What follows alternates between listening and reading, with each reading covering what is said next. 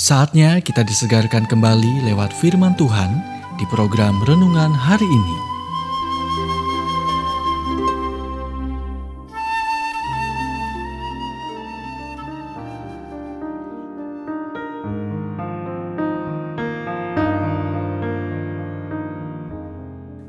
Renungan hari ini berjudul Perlahan bagian ketiga.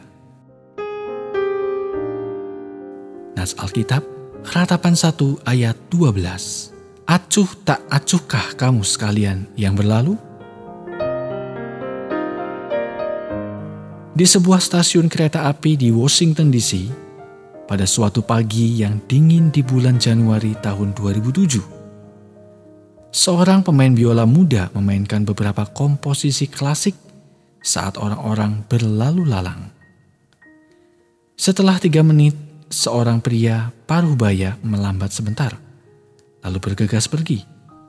30 detik kemudian pemuda itu menerima dolar pertamanya. Seorang wanita melemparkannya ke dalam kopernya tanpa berhenti. Enam menit kemudian seorang pria bersandar ke dinding untuk mendengarkan selama beberapa menit. Lalu melihat arlojinya dan berjalan terus. Setelah 10 menit, seorang anak laki-laki berhenti tetapi ibunya bergegas membawanya. Anak-anak lain melakukan hal yang sama, tetapi setiap orang tua tanpa terkecuali mengajak mereka bergegas. Musisi muda itu bermain selama 43 menit. Selama waktu itu tujuh orang berhenti dan mendengarkan sebentar. Dan 20 orang memberikan uang saat mereka lewat. Dia mengumpulkan total 32 dolar dan ketika dia berhenti bermain, tidak ada yang memperhatikan atau bertepuk tangan.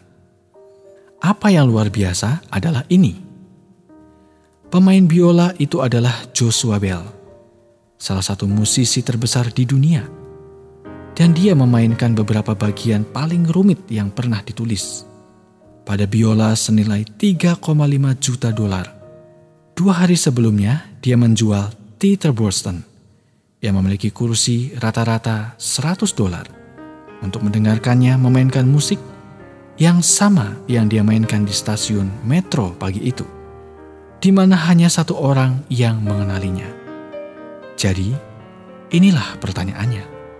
Jika Anda tidak punya waktu untuk berhenti dan mendengarkan salah satu musisi terbaik dunia memainkan musik terbaik yang pernah ditulis, di salah satu instrumen terindah yang pernah dibuat, apalagi yang Anda lewatkan saat Anda mengisi daya sepanjang hidup?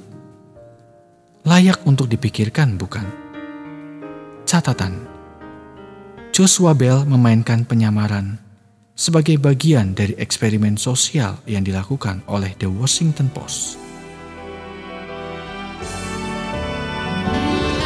Anda baru saja mendengarkan renungan hari ini.